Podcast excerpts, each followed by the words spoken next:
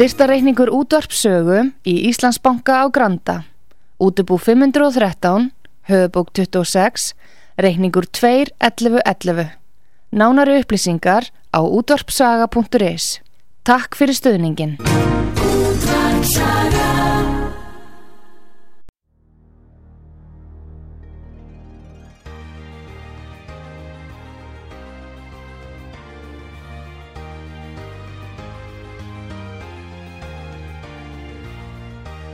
Heimsmálinn í umsjón Pétur Gunnlaugssonar. Fréttir og fréttatengt efni af Erlendum Vettvangi.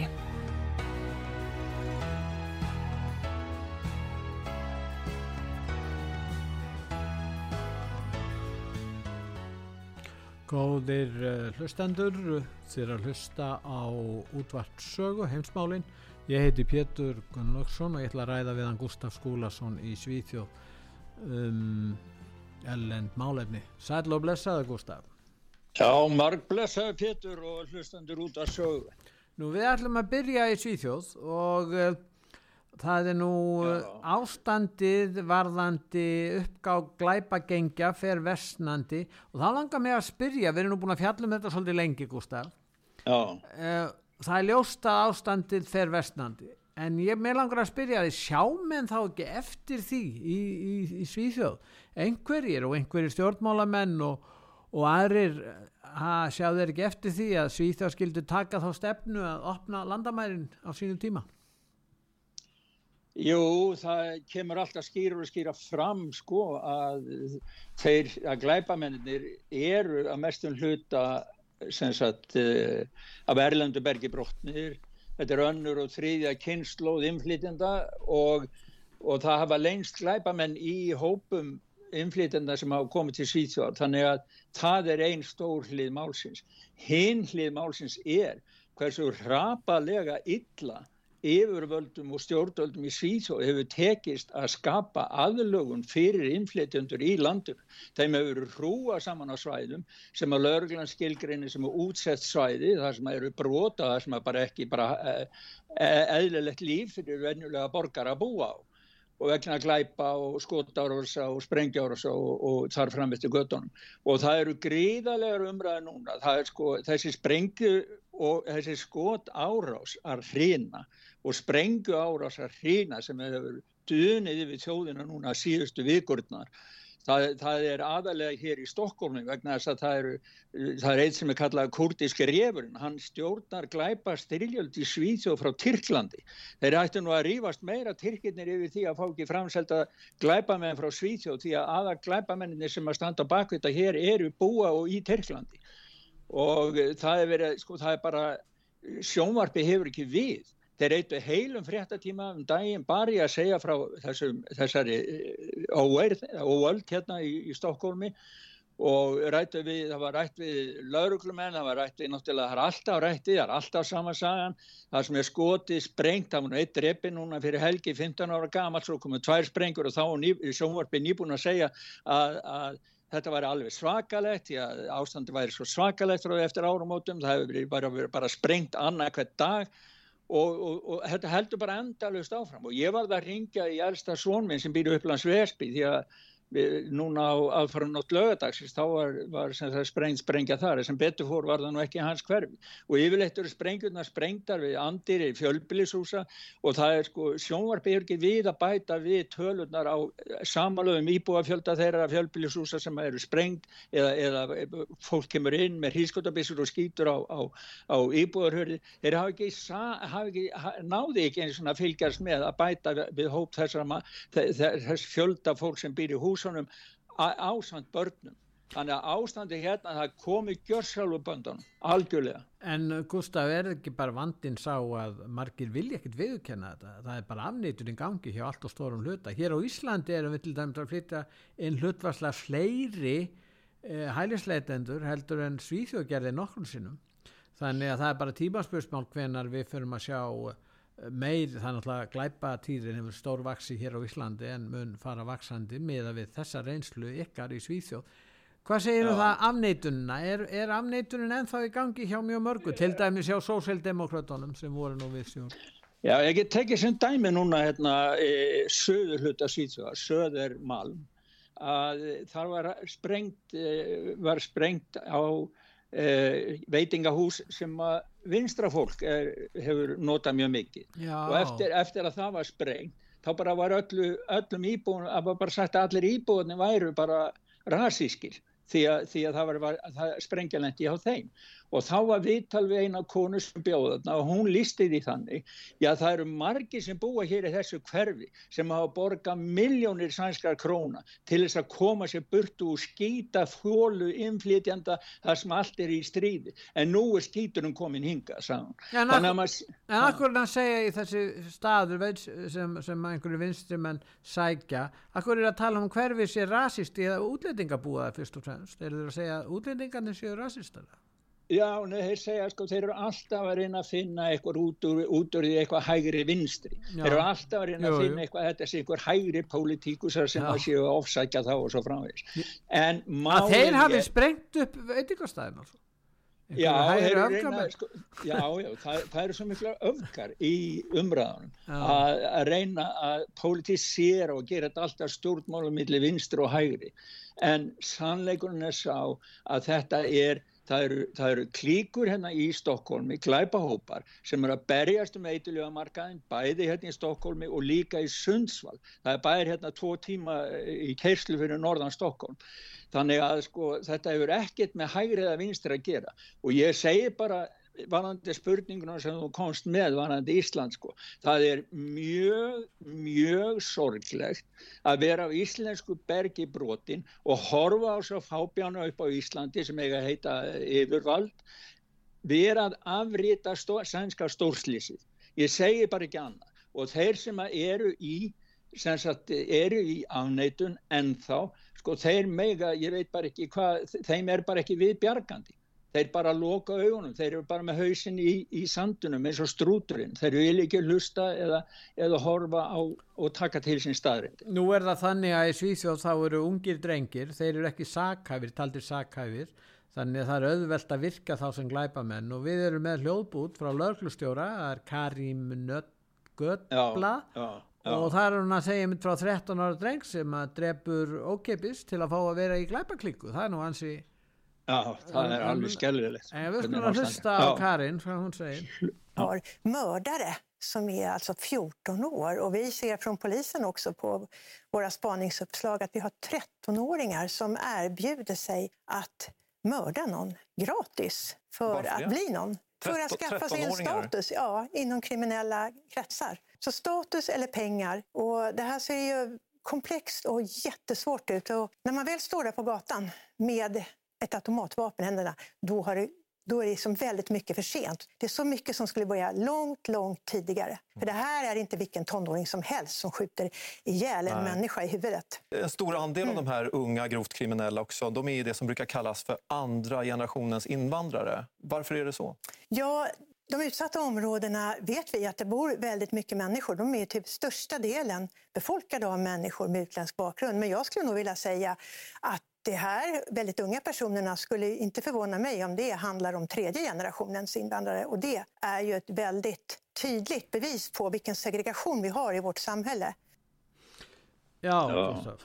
Nei, hún, hún er bara að lýsa því sko, sem að alveg gengur fram af lauruglumannunum sjálfum að verða vitna því að það eru sko þeir sem halda bissum og skjóta eða fara með sprengjur eins og var reynd hérna í konustrákarðunum í fyrrasumar. Þetta eru 14-15 ára gamli drengir og eru, þeir sko lauruglan er alveg upp fyrir haus í þessum vandamálum að svona ung, ung að æskan, svona ungi menn eh, láti teima sig inn í, inn í þetta líf. Og hún segir það sko, hún lísti því þarna, þarna var eitt 13 ára drengur bara til þess að komast inn í þetta snýstu um pening og völd að vera meðlumir í glæpaklíkunum og bara til þess að komast inn í eina glæpaklíkuna þá lofaði því að hann gæti drepa einhvern mann ókeipis fyrir þá upp á það þeir tækja hann inn og svo listum því líka þannig að þetta er mest allt í, í, í inflytjanda fjættum út hverfum eins og er hérna í, í Stokkólmi, ég vil hafa bara hrúa innflétundu saman og, ekki, og láta bara skilja það bara eftir. Og hún segir það sko að þetta sé ták, tákni um þann djúpa rót á þeim djúpa vandi, vanda sem sko aðlögunin hefur alls ekkert verið sint hérna í Svíþjó. Stjórnmálamenn hafa sko sínt skotlærum við þegar við erum að ræðum aðlögun að vandamál og annað og það er, ég menna, fólk lifir í eigin samfélum og krakkar alast upp í eigin samfélagum, kannski maður fari ekki í skólan, sannska skóla og kunna jáfnvel varla að tala sænsku, þó að þessu fættir í Svíþjóð, þriðja kynnslóin og, og veist þetta, þetta er svo svag, þetta er bara, nú er bara komið ljós, hvað, all, sko, það er bara komið að rekni skilum, bara augnablík sannleikans er að komið ljós núna henni hérna í Svíþjóð. Þannig að framtíðarstarf þegar ungum aður spurðu þarna hvað viltu gera? Þú verður stór framtíða starfið já ég vil vera hlut af glæpaklíku vera ríkur glæpamaður og ég er reyðbúin að drepa til að sína hollustu mína gagvart framtíðar eh, hérna yfir mönnu mínu Já, það er, er, það, er ekki, það er ekki betra en þannig betra. Nei, það er ekki bara uh, drengir sem eru að gerast glæpamenn, það er líka ungir drengir sem eru drefnir eins og þessi drengur sem var drefið við vestlunamiðstöðuna Já, í, núna á lögadaginn sko, hann, hann, og það var, það, og það var, sko, það var klukkan 6 lögadaginn og þá eru opið í búðunum og þetta var við verslunarmiðstöðuna í, í, í Skóksós í Höttingi, hérna í Suður Stokkólmi og eh, ég menna það fullt af fólki að versla opið til nýja á kvöldin í sömu verslunarmiðstöðum hérna. þannig að, að það er fullt af fólki úti þannig að það sko þetta er lítið samfélag og einu verslunarmiðstu og það er bara ekki lengur hægt að fara út um virka daga. Hann, hann var partur, ég er búin að lesa það núna, hann var hlu, hluti af í þessu stríði. Sko. Þannig að glæpaklíkunar eru bara að drepa eh, hverja aðrar sko, og sprengja þá hverjum öðrum. Svo hefur þetta líka áhrif inn í samfélagi. Það verða menn til eins og Rasmus Paludan, þessi náingi, sem er að brenna kóran alla daga já. það eru til svona menn sem verða, þeir verða til við þessar aðstæð, þeir sprett upp úr þessum jarfi og þá, þá er náttúrulega hefst sko hefjast átök við hann og þetta er farið að hafa áhrif að brenna og hann ætlar að halda því áfram þar til að Svíþjóð verður hleyft inn í NATO. En Tyrkinni segja meðan að hann fær að starfa hérna án, án, án anstöðu stjórnvalda í Svíþjóð þá munum við aldrei samþykja aðild Svíþjóðar? Já, þeir eru, það er búið að loka á NATO umræðu Svíþjóðar og Tyrklands. Það er meiri sé að var svo mikil olga í Tyrklandi eftir brenslands á, á Kóraninum að, að sænska sendiráðu var það að loka í óákveðin tíma. Uh, sendir á Norðurlanda og ég veit ekki hvort að sendir á Bandaríkja gera en sendir á allavega Svíþjóðar og Finnlands og ég held Danmörk, Norris og Danmörku líka, ég er ekki alveg vissum það. Þeir hafa sendt út viðvaranni til allra ferðamanna Norðurland að hafa þessi burtu frá öllum samkomum og vara þá við að það sé mikil ílska því þið geti bara múurinn ráðist á þá eða eitthvað í Tyrklandi eða einhverju brjálaði menni eða eitthvað. Og Paludan held ég að það sé búið að lýsa yfir sko döðarefsing á hann. Það, það voru myndir þeir hafa verið með myndar og það hafa verið mótmæli mörgum múslensku löndum Pakistan, Íran, Íra þú veist Íra, Tyrklandi, þetta er miklu meira bara í Tyrklandi Pakistan sérstaklega Já, og Pakistan sérstaklega, en, en það er búið að loka, það er búið að setja umræðunar, Tyrkland er búið að loka allar umræður. Það átti að einhver að fara neyri til híðan frá stjórnvöldum, það var bara stoppað, hvort það var ekki utanriksráður, það átti að fara neyri til fund til þess að ræða, það var stoppað og það búið að setja umræðunar og Ís og Tyrkland er búið að gefa yfirlýsingum síð þú fyrir aldrei með í NATO.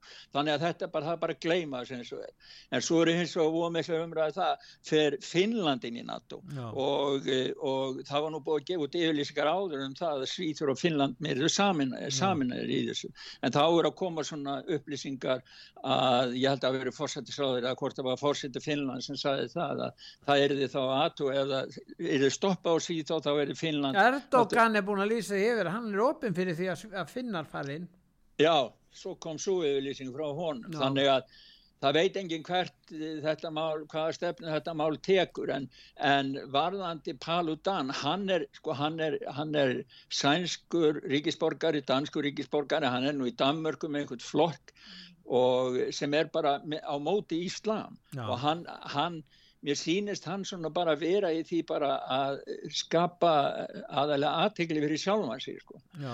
en við erum með smá hljóp út af Ulf uh, Kristersson, já. já en þeir halda kratarnir eða moderator að vísi ekki kratar þeir svona halgeri kratar veist það að hann heldur að með því að byggast afsökunar og send, í sendir á Svíþjóðar i Pakistan byggðist afsökunar á Íslamfóbi í Svíþjóð. Að það hafi einhver áhrif. En við skulum lusta á hann, hann trúir því kannski. Ulf Kristersson. Varför fördömer du som statsminister enskilda aktioner som faller inom ramen för yttrandefriheten? Ja, jag säger ju båda sakerna. Jag säger att det här är lagliga saker. Det ska vara lagligt, men allt som är lagligt måste man inte alls uppskatta. Sverige är ett land där vi två gånger i modern tid har drabbats av att mycket ledande politiker har, har, har mördats. Mm. Jag tror att hade, i andra länder hade någon hängt upp en docka i en låtsasavrättning av en ledande svensk politiker, då skulle många i Sverige tycka att det var otroligt eh, ohyggligt att göra på det sättet. Kanske är lagligt där också, men allt som är lagligt är inte, är inte respektfullt. Vill man bränna Koranen eh, så gör man det. Já. Nei, hann er að tala um sko, sko hann er að segja það allt sem er löglegt, hann, hann segir sannska ríkstofni stendur á grundvelli tjáningafrelsisins, þetta er innmúrað í stjórnarskráð Svítsjóðar og Já. því breytuð ekki Nei. og við höfum gert Tyrklandi grein fyrir öllum okkar lögum og það er málfrelsin sem gildi, fólk má brenna kóranin en síðan segir hann allt sem er löglegt þar, maður þarf ekki endilega að vera samanlega öllu því sem, sem er lög, gert Nei. og er, er löglegt Nei. þannig að, að sænska ríkistöldun hann, hann myndist þarna á í samtalenu að það voru kúrtarinn í Stokkólmi sem hengdu upp og niður sko, dukku af Erdogan hérna fyrir utan ráðhúsið í Stokkólmi og svo mynd náttúrulega allir gríðalir nexlun og ílsku í Tyrklandi og hann er að bera það sama við sko ef að bæði sænski fánin væri brendur annar staðar þá myndum manni finna líða ítla út af því hér í Svítsjó og eins ef einhver Það er löglegt að brenna sænska fánan hvaða fána þjóðfána sem er í Svítsjó Já, þetta er ennþá, en það er verið að ræða það. Ég held að síðúdemokrata vilji setja lögum það að banna að brenna sænskapan. Þann, þannig að það eru miklar umræður í gangi um tjáningafrelsið uh, og í samabyrðu því að náttúrulega segja NATO fylgjendu hér að þetta sé allt saman með ráðum gert til þess að hindra, þetta sé allt saman pólitískar aðgjörð til þess að hindra, hindra hérna að síðagangi með NATO og sumir hafa mér að segja frá Finnlandi lísti yfir að Paludan hans er vopn rússa leini vopn rússa no. til þess að stoppa þetta. Já, já, það er alls konar svona kjáttasugur í gangi, skiljur. Það er það er stríði Úgrænu og það er mikið, það er sko, skoðanarnar eru skella saman, skilur, og þá kemur þetta svona. En, en nú er það þannig að Európa-sambandið eh, vill að svíjar grípi til aðgerða gegn þessum Rasmus Paludan eða gegn því að gegn kjáningafrelsuna að fá að brenna kóran og síðan eru til dæmis bladamenn ímsir sem að Að, að eins og þessi bladakona sem er að gaggrýna það að blöðin hafa algjörlega brugðist, bladamenn að stjettin hafi raun og verið gegn hérna, já, ge, já. hérna uh, gefið upp starfseiður og sínt bara uh, algjöran uh, heigulsátt í sambandi við það greina frá mikilvægum fréttum atbyrg til dæmis læknaráðstemnin í Stokkólmi Já, það er þessi kona hérna, Katarína, ég hef hitt hana, hún var á bókakynningunni hérna sem ég fór á um árið og Katarina Janúts, hún er baráttu kona og hefur gefið út bækur og, og, og hún kalla hann ekki allt fyrir ömmu sína Nei. og hún, hún skrifaði svona álíka drápi eins og í sama anda og Hallur Hallsson hérna daginn Já. til starfsískina sinna í blagamannastettin vegna þess að það voru engvir frá stóru fjölmilunum á læknar ástöfnunni sem að hafði þennan háastandard á alþjóðleira vísu með fólki helstu sko, læknum og þekktum læknum hvaðan að voru heimun. Þannig að hún, hún, hún segir, sko, hún segir sko, að, að bladamennin er á stóru fjölmiðlunum eða megin miðlunum. Þið, þið hérna sköpuðu, tókuð þátti því að skapa skelvingu þegar að COVID var að byrja sem hefur sínt sig að var ekki faraldur heldur influensa vegna þess að það dauðatöluna voru ekki það háar eins og var skapað og liði var hrætt með í upphafi faraldursins.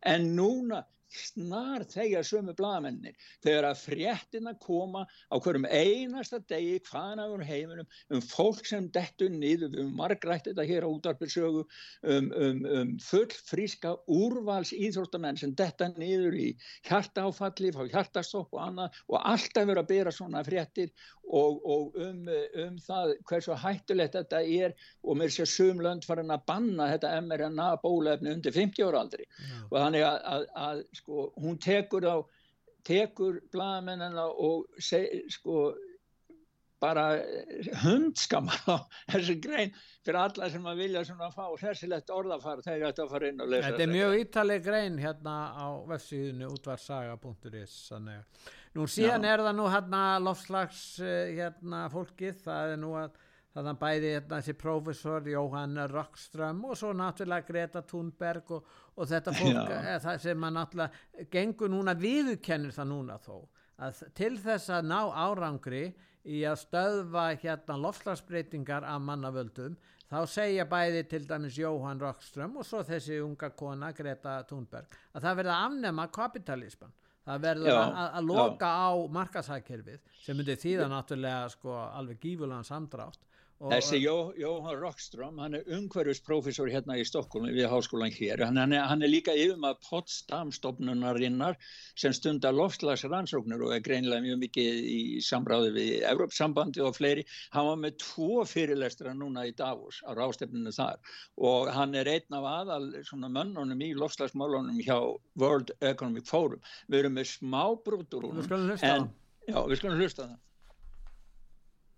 So, from a business leader or, or an economic perspective, it makes sense to invest in sustainability not only to reduce risks of unmanageable damage, but also because it just makes economic sense. So that's that's a light in the tunnel. Another light in the tunnel, and we see it very clearly here in Davos. You know, the business leaders in the world across all sectors, from construction, food, uh, transport, they're all on board and seeing not only the necessity but also a value in moving in the direction of, uh, of a fossil fuel free, sustainable, more resilient business models. Já, já. já. Þeir nota sko, þeir nota grænu blekkinguna sem aðal drivkraftin til þess að fá, og það eru stóru fyrirtækin, einoguna fyrirtækin, ólíkarkarnir sem stjórna þessu, til þess að afnema samkeppni og koma kapitalismunum í burtu og þeir eru með alla kommunista, þeir eru með kynverðan með þessu, allir kommunista eru með þessu, þess vegna er, er Katrín Jakobsdóttir svo ánæg geta verið aðna, að því að það á að taka burtu sem sagt gróðan eða það að maður geti hagnast á því að reyka fyrirtæki, þá taka það burtu. Það er sem sagt sjálfur kjarnin kapitalismans það í staðin þá að setja félagshyggju, maður á að taka til til félags samfélagsleira þátt eins og til dæmis lofslagsmála og, og svo teljaður upp all, all, alla sína dagskrá.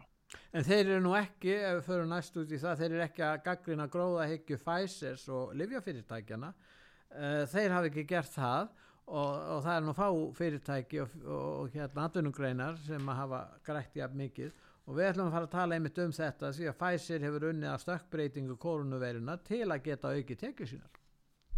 Já, það var, nú, það var nú að koma upp hérna alveg hrigalegt nextli og það hefur ekki verið talað um annað. Það var myndband, við höfum stundur rætt um það, það er, maður getur rætt um það hvort þess aðferði séu, aðferði séu réttar eða rángar en það er, er í bandarækjunum þá er, er félagskapur sem kalla sig verkefni sannleikans.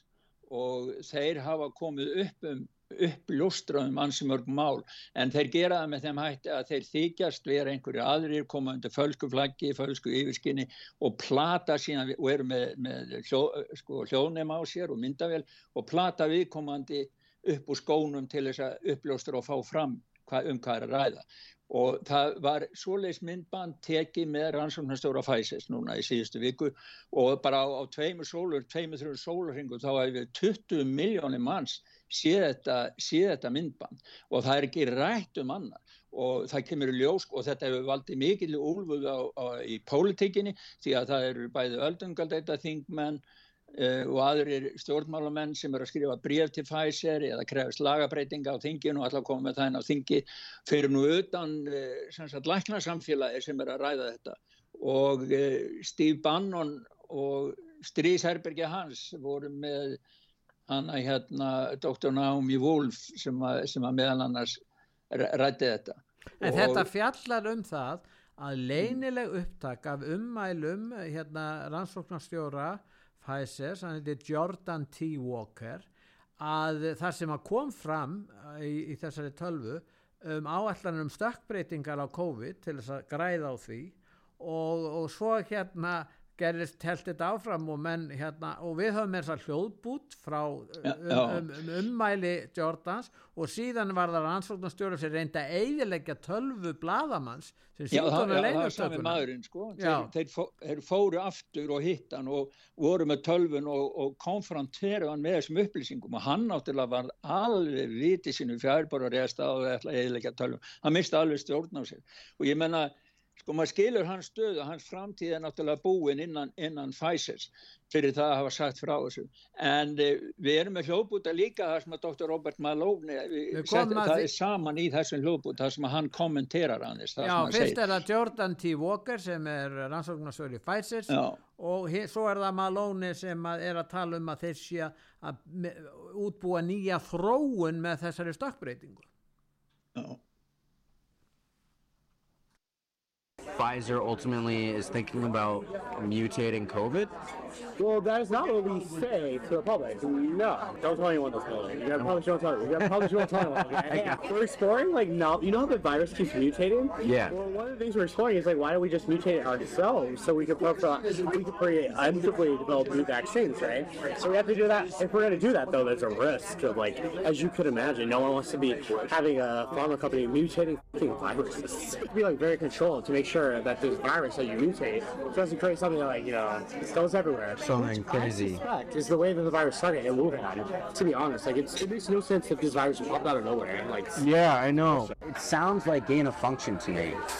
I don't know. It's a little bit different. I think it's different. It's like there's it's definitely not gain of function. It sounds like it is. I mean, it's okay. no, no, no, no, no. So directed evolution is very different. Well, you're not supposed to do gain of function research with the viruses. Like, yeah. they recommend not. But you do like these like selected directional mutations to try to see if you can make more potent. Yeah. So there, there is research ongoing about that. I don't know how that's gonna work. There might not be any more outbreaks because like Jesus Christ.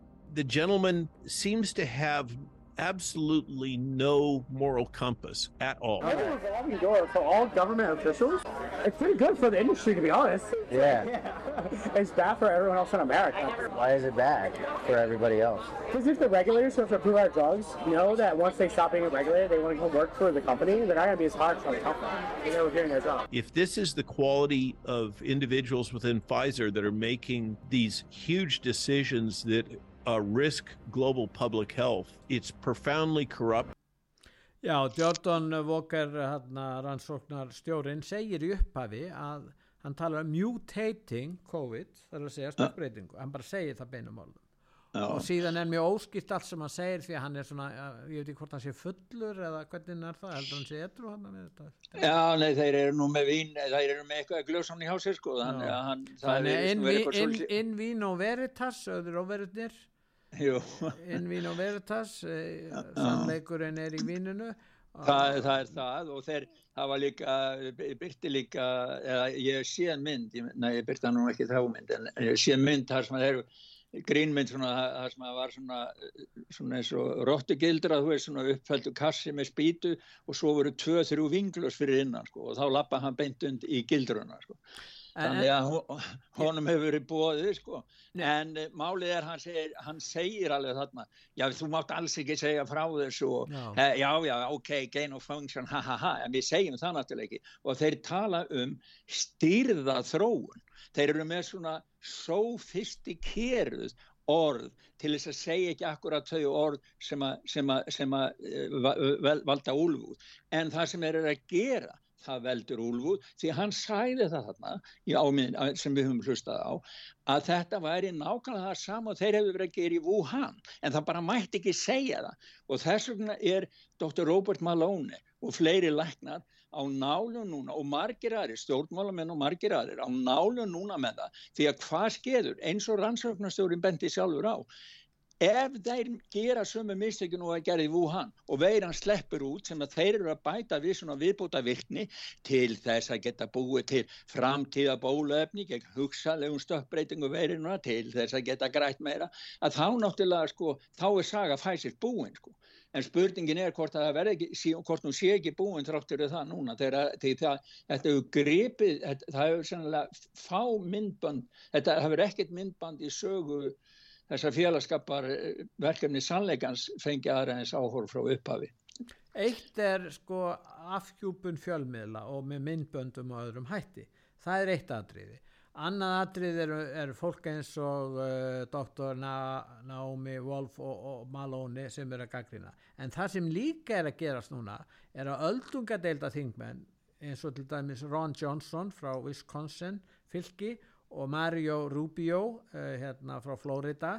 Þetta eru hérna valdamiklir öldungadeilda þingmenn á bandaríka þingi og Já. þeir bæði, þeir eru að vilja að livjaframleindu verður rannsakaðir og líka þeir hafa sendt bref þarna Rubio til fórstjóra Pfizers og eftir þessar uppljóstranir. Þannig að þetta er komið meira inn í pólitíkjana sem var ekki nóg. Þannig að bæði fjölmiðlar ymsir innan eh, fræði, fræð með fræðimanna og svo núna stjórnmálinn er að taka við sér.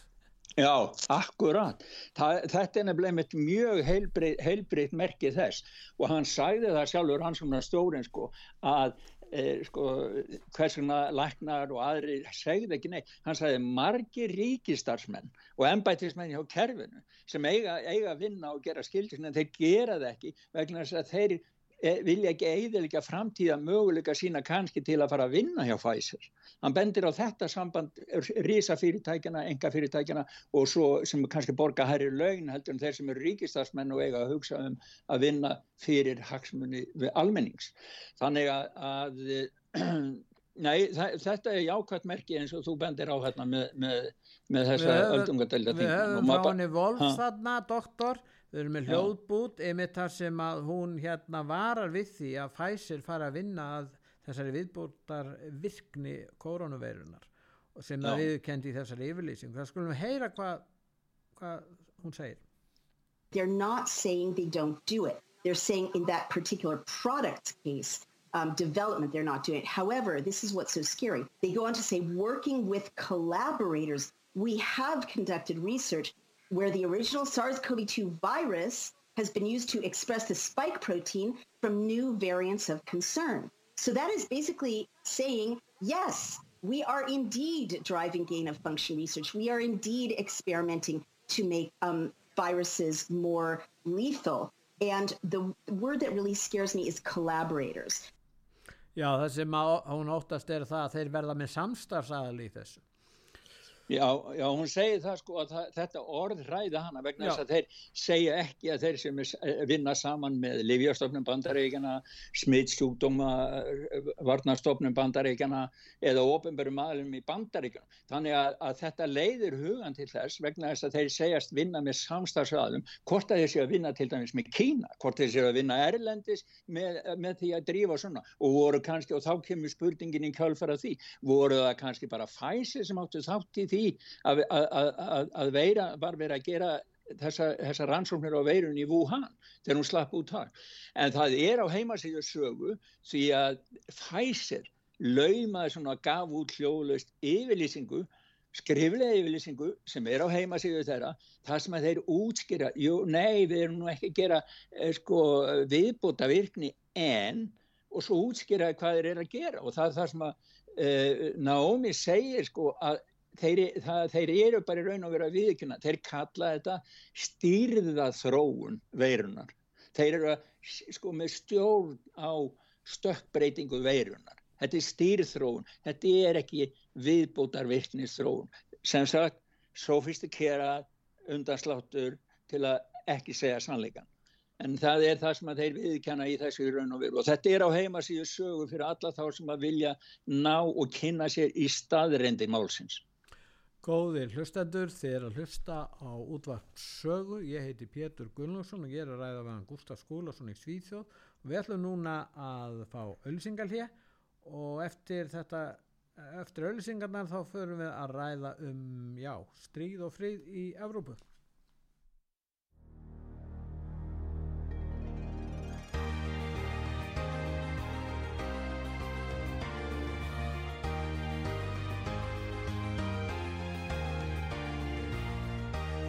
Heimsmálinn í umsjón Pétur Gunnlaugssonar.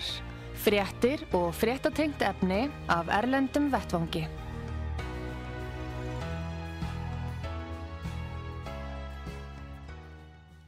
Góðir hlustendur, er að hlusta á útvarsögu heimsmálinn og ég heiti Pétur Gunnlaugsson og ég er að ræða með hann Gustaf Skúlason. Gustaf, nú Já. er uh, þessi yfirlýsing sem verðum að heyra núna, það var yfirlýsing frá Uttaríkisráð þeirra Þískalands Hún sæði það beinleinis, það, hún heitir Anna-Lena Baerbock og Já. hún sæði beinleinis að Evrópa væri í stríði gegn Rúslandi.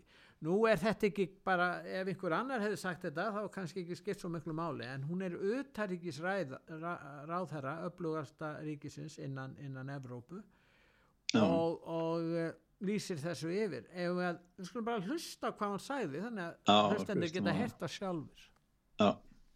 And therefore, I've said already in the last days, yes, we have to do more to defend Ukraine. Yes, we have to do more also on tanks. But the most important and the crucial part is that we do it together and that we do not do the blame game in Europe because we are fighting a war against Russia and not against each other. Thank you. Já, hún segir We are fighting a war against Russia og það var svona vakti upp hjá mér spurningar bæði varandi Svíþjóð og Ísland til dæmis já, já. Uh, Svíþjóð er líta svíjar svo á að þeir séu í stríði við uh, að vísu þeir eru ekki í NATO þannig að en Ísland er í NATO og spurningin já. er þessi er, og myndin, við myndum vilja heyra frá auðaríkisræður okkar er Ísland í stríði við Úsland í raun og veru? Er, er, er, eins, og, eins og hún orða þetta Já, það mætti spyrja auðvitaðinginsráðurna hvort að þessi við sammálað því eh, þessari lýsingu að Evrópa, Evrópusambandið því hún segir við, hún er stödd á fundi Evrópuráðs uh, Evrópusambansins uh, ég held að Katrín hafi verið viðstöðanda líka. Mm. uh, allavega var hún á fundi með þeim um daginn og hérna, og þar sem hún lýsir þessu yfir, þannig að þetta er eiginlega yfirlýsing Evrópus sambansins og það er þess vegna sem að þessi, þessi, þessi yfirlýsing hennar hefur vakið harkalega, harkalega mótmæli meðal annars frá, frá uh, Viktor Orbán og fleiri, fleiri löndum í, í, í Evrópusambandinu sem vilja alls ekkert kannast í það að vera í stríði. Þannig að þetta er alveg... Og Kroatia til dæmi sem er nú sko ríki sem að, að hérna er innan Evrópusambassins og, og, og þeir vilja ekki eh, vera hérna bendlaðir við þetta. Já, það er alveg rétt. Soran Milanovic eh, fórseti Kroatíu, hann hann, eh, hann sendi bara hreinlega viðverunort til Þýskalands eftir strísi yfir Annalinu Berbok uh, og, og þar sem að hann sem sagt seg, seg, segist bara aldrei hafa heyrt svona brjálaði, það eru hans orð. Ég hef aldrei heyrt svona brjálaði og, og, og, og uh, svo var hann að gera svona uh, hann er greinlega á móti því að það sé verið að senda skrýtrykka og það sé verið að onnu þungavokt í stríði því að það muni auka stigmagna stríði með öllum hættust því það fylgir. Þannig að hann sendi sko Þískalandi svona smá klípu því að hann, hann sagði það, hann lofaði því að Kroatia myndi á engan hátt dragast með í þetta umbóðstríð á milli NATO og Rúslands og hann óskaði Þýskalandi betri velgengni sem sagt í kaltænislunum tóna þessu sinni en í fyrri tilröðin landsins til þess að sigra Sovjetríkin í setni heimstyröldinni. Já, við sem voru Kroatar voru nú bandamenn eh, þriðja ríkisins, að á tímabili. Já, en það er núna sko núna segir hann sem sagt að hann, hann eh, segist ekki verið í stríðu neitt og þeir vilja ekki verið í stríðu neitt og það er nákvæmlega sama og Viktor Orbán segir, að vísu segir Viktor Orbán, hann tekur ekki, hann, hann segir það sko að þessi yfirlýsing sé ekki formleg yfirlýsing ríkisins þannig að hann eh, tekur hann ekki eins kannski alveg að tanni en hins vegar þá tekur hann hann að sé næja miklu ástæðu til þess að lýsa En akkur ekki þá rekin auðaríkisráð þeirra Þískalands, það er rákuðu varnamálar á þeirra núna um daginn. Já, já, já. byttu við þeir búin að reka eina. Já, við, akkur, akkur, ég meina það er ekki nóg að segja, já hún gerir þessi mistök, já, ég meina menn með ekki bara segja hvað sem er það er ekki, ég meina ef þú öttar ekki sráð þeirra, þá ert ekki bara að segja já við erum í stríði við mesta kjarnorkuveldi heims og okkur líður bara ágætlega, við ætlum að ekki að semja frið, við ætlum bara að sigra russana hérna á vývellinu með því að láta Úkrænu bera þungan og hittan af þessu og fá, þeir fá vokk frá okkur, Leopold Skridrek eitthvað svo leiðis Já, ég hlið bara skriðdegana sína já, já, já. Og, og, og hérna, nei þetta er þetta er alvarlegt mál og, og Viktor Orbán hann, hann sagði það sko þetta byrjaði á því að þjóðverða sögðu að þeir myndu bara gefa hjálma að þeir myndu ekki senda dráfstæki stríði en síðan hafa þeir þver snúist og vegna áhrifa bandaríkana Já. og eru nú farin að senda skritrika það þurfti að fá sem sagt vilirði bandaríkjamanna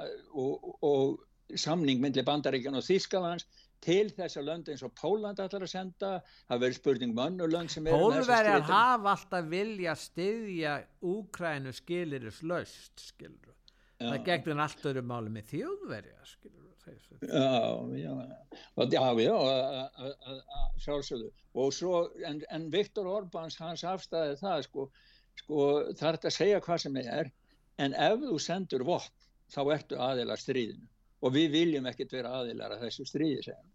En það er nú ymsið sem er að gaggrina þetta, þetta er náttúrulega Putin segir að Þískaland er ekki frjálstjóð, þetta er hernu með land af bandaríkjamannum eftir setni heimstyrjöldina og, það, og það er náttúrulega sko, hvernig áhrif í raun og veru hvort að fullveldi Þískaland sé skert vegna stöðu bandaríkja. En það er náttúrulega ljóst að bandaríkin hafa gífulega áhrif á auðaríkistefnu þjóðveri og það er með Evrópusambatsins En, en síðan ja. kemur Trump þarna sem er nú komin í fósita frambóð aftur og, og er hérna í New Hampshire að, að halda ræður og hann segir núna fyrst koma skrittrekarnir síðan komu kjarnokkursprengjurnar hætti þessu brjála stríði núna. Hann ætla sér að taka aðra afstöð en aðrir frambjóðundur og aðrir stjórnmálamenn í bandaríkjónum í þessum komandi fósitakostningum. Er það ekki lögst? Já, hann er með þessu, þessari, þessu útspili sínu að segja þetta, þá er hann búin að marka algjörlega, þetta er grundmúrar, grundvöllur e, fyrir hans fórsetta frambóð. Þannig að þeir sem eru mestu stríðsbrjálengarnir, þeir vita þá nákvæmlega hvað þeir hafa og ef þeir vilja stríð en ekki fríð, þá þurfa þeir ekkert að kjósa hann.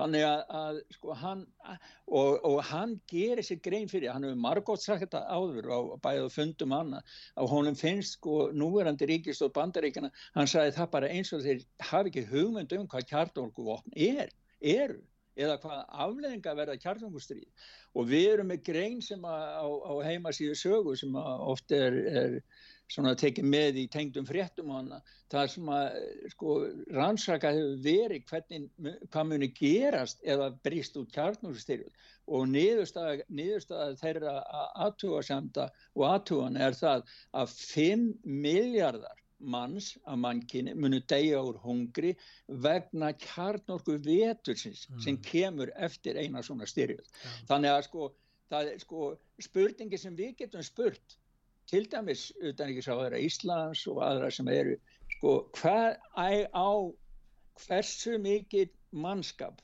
á að drepa til þess að réttlæta það að vestuveldi aðstóði Úkrænum við það endurhemta austurhlutan og krímskaðan. Rúsar hefur búin að innlema þetta inn í, inn í sitt uh, veldi og líta á það sem áras og sitt land og eins og Haugur Haugsson, ég hlusta á hann í, núna í síðustu viku, Já. segir rússar eru ekkit að fara að gefa sneitt upp. Þeir ætla að verja sitt og báðir aðilar eru farnir að ræða um kjarnarvopn eins og, eins og her, Flynn herfóringi bandaríkjanum bendir á. Ég náði því miður ekki að koma með hljóðbút með honum en, en Já, það, það var hljóðbút. Hann segir, Flynn segir ég meina bandaríkjamenn uh, uh, fóru teimdir inn í einhvers konar styrjaldir í Vietnam klúður, Já, Afganistan klúður, Írak, Já. stórklúður. Já. og, og síðan sé verið að teima bandaríkin inn í einhverja þriðju heimstyrjöld jafnvel þótt að sé erfitt að skilgreina þjóðar öryggis hagsmunni bandaríkjana af hverju eiga bandaríkjaman að verja altså austur landamæri Úkræn af hverju? Já, já, einmitt til dæmis ég meina Já, og, og, og eins og við höfum rætt um áður, sko, ég hef nú ekki séð nýlega kannun en, en allavega kannanir sem að voru gerðar síndu að yfirgnæfandi meiri hluti bandaríkjamanna sjálfra almennis vilja ekki að bandaríkjaman fari inn í þetta stríð, sko. En um heim. Ha. nú er það svo að, að, að sko menn segja að það verður bara útkláð þetta á vígvellinum. Þeir segja að það er engar, engar, engar friðarviðræður, rússandi verða að fara með alla, hérna, alla, alla, hérna, alla heri sína út úr gömlu Úkræna eins og Úkræna var og mm. þeir munu aldrei fallast á að, semja við rússanum neitt og rússarnir hafa sagt á móti eins og vittnar í samtali við hann haug og aðtilsvert, Mm. ég spurði með haug að því telur Já. þú að, haugur að þeir gætu samþygt minnsk samkómulagi núna, það er að segja rússarnir Já. og rússarnir er núna búin að innleima hluta af, af östur hluta Úkrænu og þá sæði haugur nei hann taldi að þeir myndu ekki. Ef það er ekki hægt að nota Minsk sem grundvöll til sáttaviðleitni og, og grundvöll eða forsendu fyrir friðarsáttmála þá er þetta mál glata nema bara að það heldur áfram á vývellinum ég menna Minsk er, er líkillin að samkómulegin í raun og veru það var og E- ef að rússarnir segja nei við því hinn segja náttúrulega nei, þá er þetta þannig og, og þá spyr maður hver, hvernig hefur verið staðið að því að reyna ná friði? Hvað er fríðarhöfðingi hvað eiga stjórnmálamenn að gera Mm. til að verða að kalla þér menn friðarins? Það er til þess að, að sinna því stöðut að reyna að vinna friðar viðletni og, og samningum út um allt. Ef við tökum Trump sem hefur náttúrulega verið harlega niðurlæður og smánaður af helstu fjölmiðlum og stjórnmálamönnum í heimi það verður að segjast eins og er það er þannig að þá er aðtiklisvert að hann náði ákveðnu samkúmulagi sem er ekki talað um sem er kallað vitnað í Abraham. Já, í, sem já, var náttúrulega í gamla testamentinu var talað um, um hérna föður Ísraels. Já, og uh, þar er náð samkumlagi sem er kallað Abrams uh, Convention eða sáttmáli og uh, þar náðu þeir samkumlagi Ísrael saminuðu fyrsta dæmin og Bahrein já. þetta Og væri verið fyrsta sinn sem að næst verulega gott samkumlag við þessi ríki því að Bahrein og, og saminuðu fyrsta dæmin eru mjög sko hörð múslimaríki og, og þannig að þeir gerðu þennan fríðarsamning en það er ekki talað um þá það stóð nú, Nóbelsnefndin var að spá í það að, að, að Trump fengi fríðarvelun en það náttúrulega hefði aldrei Já. geta kerst Nei, en, en Jordan já. Peterson sálfræðingur, þarna, hann er einmitt að fjalla um þetta Já, og hann, hann nefnilega, já, og það er mjög gott sko, því að það koma núna fram varsandi rattir innan bandaríkjana og á fleiri stöðum um það, sko, að Trump, það var, það var, hann sett ekki í gang neitt stríð. Sagði í kostningabaratunni, já, hvernig haldi að fari fyrir Úkrænu ef að Trump verður kjörin fórseti? Trump nú, var, nú komst Biden að völdum og nú sjá allir hvað hefur skeið í Úkrænu. Því að, því, að, því að það hefur skeið það sem að þeir voru að segja að Trump myndi gera. En Trump, hann síndi frið og tókst að gera þetta snildabræð. Hann startaði engu stríði, kom ekki sett ekki í gang neitt stríð og við slumum hlýða að heyra hvað Jordan Peterson segir um þetta. Þetta er aldrei gott nefn. Já, svona Jordan. President Obama received a Nobel Prize for doing nothing but winning a presidential election while being black, to put it bluntly. And I think he knew it, although he cravenly accepted the prize anyway. Trump and his team and all the people from the Middle East involved in the Abraham Accords received almost no legacy press attention, certainly none that was positive, and certainly no Nobel Prize, even though what they managed was clearly the most significant advance on the peace front in that embattled region since World War II at minimum.